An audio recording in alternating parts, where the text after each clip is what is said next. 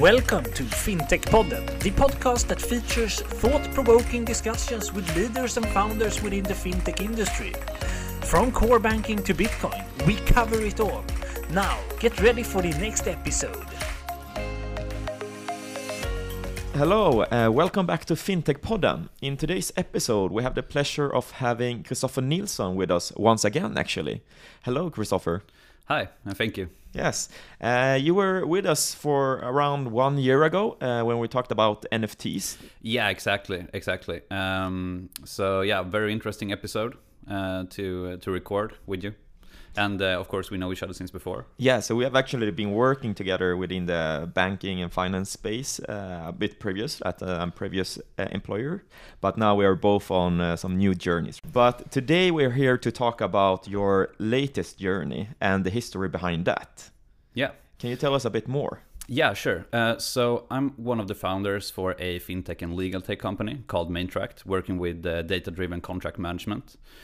Um, and I've always been like very interested in financial services, fintech, uh, and blockchain.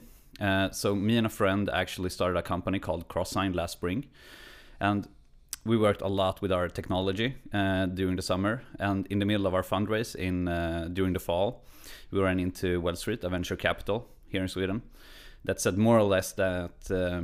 Uh, what you guys are doing is very interesting, um, but we have a similar uh, company in our portfolio, so you, you guys should meet up and see if there are some uh, synergies between you guys. So we went and met um, with both Wellstreet and Maintract, and it was kind of like love at first sight because we uh, had like the same vision of what contracts should be and uh, what it can really do for for the market. So from when we uh, first met, uh, it took about a month, and then we signed to merge our two companies. Mm. So yeah, now we're Maintract basically. Mm. But what we're doing is that we're working with something we call living document, um, and that's our our technology gives them a a consciousness to say. Uh, as they can connect with the outside world, both with ERP and CRM systems, as well as external data, so data sources such as like company data, tax authorities, stock index, or other indices. Um, and by providing this, we can help our users to uh, stay up to date on their contractual events, basically. Hmm. Yeah, super interesting story, and it will be uh, really nice to learn more about it later in this episode, and also to learn a bit more about this, the living documents and the contracts uh, with that. Uh, but maybe we can start off with like, how did you get into working with contracts? Yeah, um, since we work together, um, I worked a lot with blockchain. Um, uh, both like from a, a, financial services perspective, but also from like a general industries perspective. So I was around like talking with a lot of companies uh, in uh, how they can leverage blockchain, both in terms of smart contract, but also like for self-sovereign identities uh, and similar. And during during this phase, I basically realized that smart contracts, uh, in terms of uh, blockchain-driven smart contracts, are not so uh, viable. Mm. Um, so what I wanted to do basically was to take this this uh, this technology mm. and turn it into something that's actually usable for for companies more or less so you're taking some influences from blockchain-based technologies, but you take it into this this more traditional contracting world, and then you kind of merge them, kind of, or yeah, exactly. Basically, when we started, we started with like, okay, so how can we combine like the centralized aspect and the decentralized aspect, mm. uh, and uh, yeah, did some things around that. But then we kind of realized that we, uh, initially at least, doesn't need a decentralized. Mm. So we're doing it like 100% centralized mm. at the moment. So the first version of your product, at least, are not blockchain based at the moment, or no, exactly, hmm. exactly. Mm. Nice. Uh, but then can we move on a bit and uh, where we are today with Maintract? And can you give us a short introduction of what you are doing there? Yeah, yeah, exactly. Um, so Maintract is a data-driven contract management system. Um, and we cater for very uh, specific industry workflows, more or less.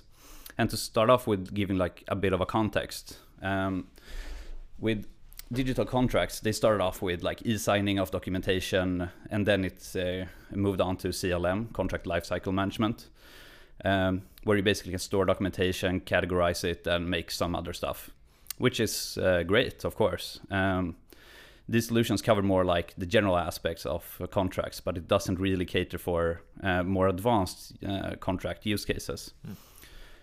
And to cater for um, these more advanced use cases, you need to like be very much aware of the context and the ecosystem of that documentation which it finds itself in. Um, where there are regulations governing like specific aspects of uh, of how things are done, both internal and external workflows, uh, and the best practices. So our technology is uh, maybe one or two steps beyond like current e-signing and contract management solutions, um, where we, on top of our like kind of powerful contract engine, uh, builds uh, industry-specific integrations and workflows that actually caters for specific industries.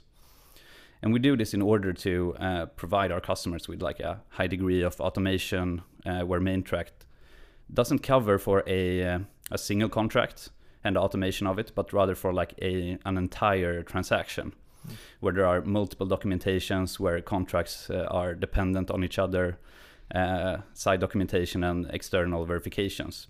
So the reason is why we chose this approach was that uh, um, it's the other like uh, solutions out there are quite uh, general, uh, and it's of course uh, like great to be general in that sense. But as we usually say, like solving everything everywhere doesn't really solve uh, anything very well. Hmm. Um, so that's basically why we call our contracts also for living documents, as they have basically their own consciousness and tells you uh, whenever something related to a contract happened, uh, whether it's an internal event such as a delayed payment or shipment, or if it is an external event such as an index increase, which is uh, stipulated within the contract as a term. Mm.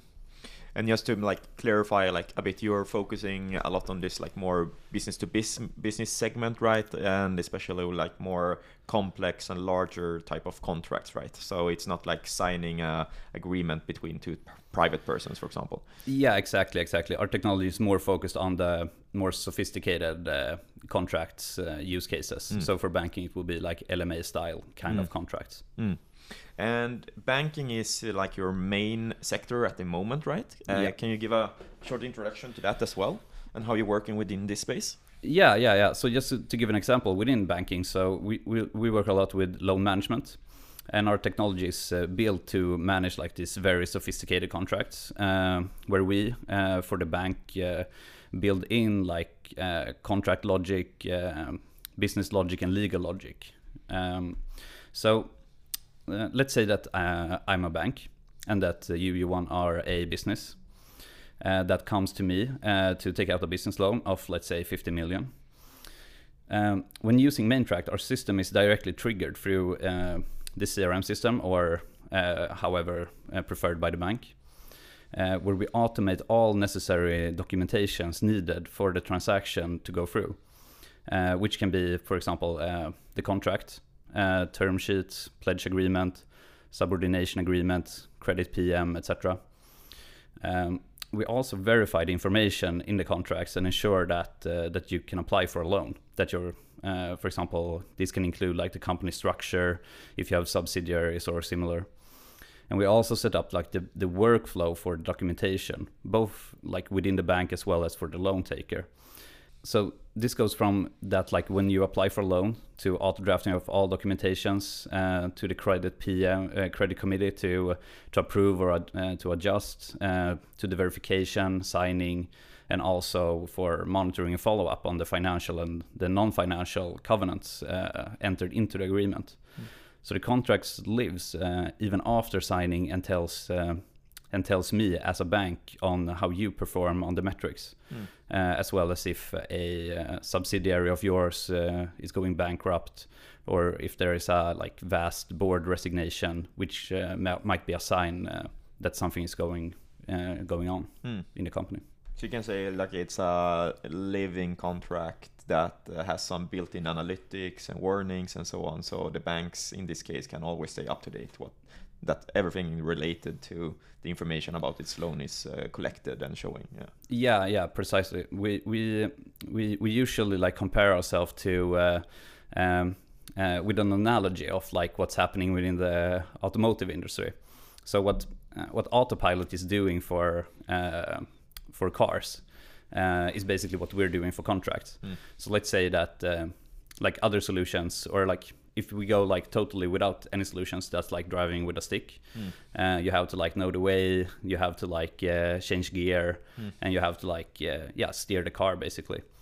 Uh, other solutions are more like that when you're on uh, driving with auto gear. Um, it's somewhat more efficient but you still need to know the way.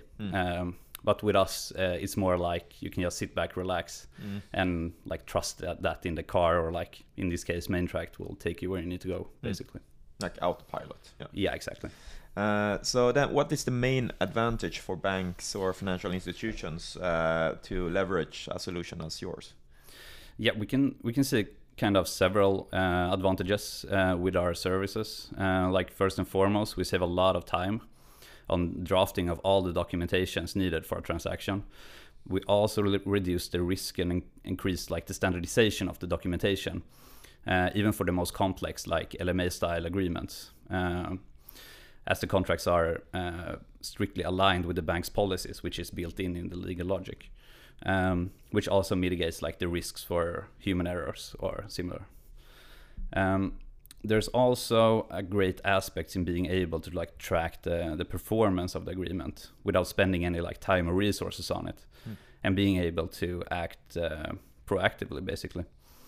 Um, and there's also like uh, if you look at look at it from a like uh, offering new products perspective, which can be, for example, like setting dynamic interest rates, uh, where we can uh, basically condition certain metrics, and if they are met, uh, it can decrease the interest rate, or if they're not met, it can increase it.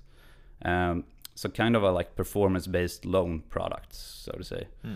Um, and this can make like a bank more competitive uh, in customer acquisitions as they can be uh, able to uh, offer a lower interest rate than their competitors at the same time. So you can say it both kind of increased automation, both like the steps before signing the contract, like onboarding the customers to this type of loan product in this case, but also um, decreasing the manual need of looking at things during the life of the contract at the bank, for example. Mm, exactly, exactly.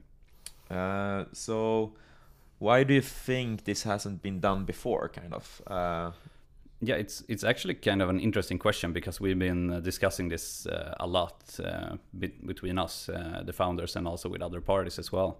But for one, I think it's ca- quite complex uh, and might like be able to find it profitable for some some players. But like either for like or for banks themselves to actually create it. Uh, and this is especially for like the more complex agreements. It's kind of automated, like for some agreements, like with the more standardized uh, kind of forms, uh, where you basically fill in uh, some uh, uh, quite few uh, uh, parameters uh, for the loans that are of a lower amount. Um, and these are like also provided like by uh, core banking platforms as well as uh, as other like contract services. Um, but looking at like and this is like if if we look at it from a 0 to 100 scale like uh, the first like 0 to 30 is like basically automated. And then we have like if you look at 100 that is like the most uh, complex agreements that's super bespoke where you always use like a top tier law firm basically to uh, to write it up. Um, so we would say that we uh, fit in like between 40 to 90 basically in the complexity scale more or less so not the kind of the general basic stuff. It's more like when you add in complexity or different layers and so on. Then this solution is uh, better, kind of. yeah exactly and uh, of course we cater for like the, the more standardized ones as well but uh, uh, our prime prime uh, uh, selling point is of course for uh, for the more complex agreements Hmm. So I guess then that you uh, think that this will kind of change a bit the whole approach within the financial service industry to Mm. this topic, or how do you see on that? Yeah, I absolutely think so. Um, if we see it like in a long term, I think we can see that uh, more data-driven and performance-based contracts will be uh, used. Um, which, as I said, like for example, with dynamic uh, interest rates, I think that will be a thing. Um, but also looking at like how regulation change, uh, which requires like proactive adaptability, uh, which technology like this definitely can aid in, uh, and also in terms of uh, that the world we live in becomes more like global and digital, and our counterparties are not as local or as uh, uh, as known as they used to be. Um, so our technology can bridge like the trust gap and bring sort of a trustlessness to to contract management. So you have been on a roller coaster for the last year, I guess, like uh, going in full time in your own startup, merging with another startup, and so on. Like, can you describe a bit how it has been building Maintrack and so on? Yeah, it's it's definitely been a journey, and it's the I think it's the best journey I've I've made in my entire life because it's like uh, you get sort of a like higher purpose uh, mm. because as you know like uh, uh, running a startup it isn't a job it is a lifestyle more or less. Mm. But yeah, it's it's been uh, not a roller coaster in that sense, but it's been like a lot of things uh, happening, and especially like during the merger phase. And mm. I think the merger was like also a key aspect to to what we're doing today, and that uh, to our uh, yeah basically how we work. Mm. Um, because when we met Maintract and Ludwig, um, it was kind of interesting like how we complement each other mm. because i come from like the business aspect and uh, like analyzing workflows etc um, and with me adam um, my original co-founder uh, he's like a programmer worked in china silicon valley etc mm. And then we met with uh, Ludwig, uh, and he's a former lawyer uh, working both at like a law firm as well as within banking. Mm. So we really brought to the table what he needed and he brought mm. what we needed. Mm. So one plus one uh, doesn't equal two in this sense, but more like three or four, mm. or so to say. Mm. Um, but yeah, it's been like a very interesting uh, journey. Sounds like a perfect fit that you found each other and uh, could complement each other in that way. Yeah, yeah, definitely, definitely. Uh, so, what has been the most challenging thing during this year? Yeah, so the most challenging thing, I think I would say, like, uh, stopped working like for for someone as like uh, uh, as our former employer, mm-hmm. um, mm. and then just like uh, trying your own wings. Like it's it sets life in like a different perspective. Uh, mm. So I think that was like one of the major like uh, adaptations that I had to made, mm. make. Um, but uh, uh all for the better, of mm. course. Mm. Yeah, I remember the feeling like going from a large cor corporation into like very much an un unknown territory where you like uh, you, you, need to set your own rules for everything and there's nothing to start with so you're building everything from scratch uh, all the time kind of. Yeah exactly exactly. It really puts everything into a different perspective yeah. more or less. But it's also that that makes it a lot of fun i thought. Yeah i think so too. I mean uh, uh if you're looking at it from a roller coaster perspective like the highs mm. Uh, they're super high mm. and the lows are super low. Yeah. Um, so yeah i think it's uh, it's very much different, but it's uh, so much more fun and like it gives you so much. Mm. Uh, and where do you see uh, yourself and Maintrack going now, the coming years? Uh, in the coming years, I think we will, um, as, as I said, like we productify our offering towards different industries. Uh, we started off with banking. We're now moving into consulting as well. Um, and I think we will continue like to finding different kinds of product market fits within different uh, kinds of industry segments. Um, and we have like a, a, a vast amount of industries uh, in need for like solutions like this. Um, so I think our journey will primarily be to uh, to find product market fit within different uh, sectors, hmm. but also to build it up towards like our vision, hmm. which is more like self-sufficient contracts mm. that can actually like basically talk for themselves mm. uh, and finding like these uh, these products that goes in line uh, mm. in doing so hmm.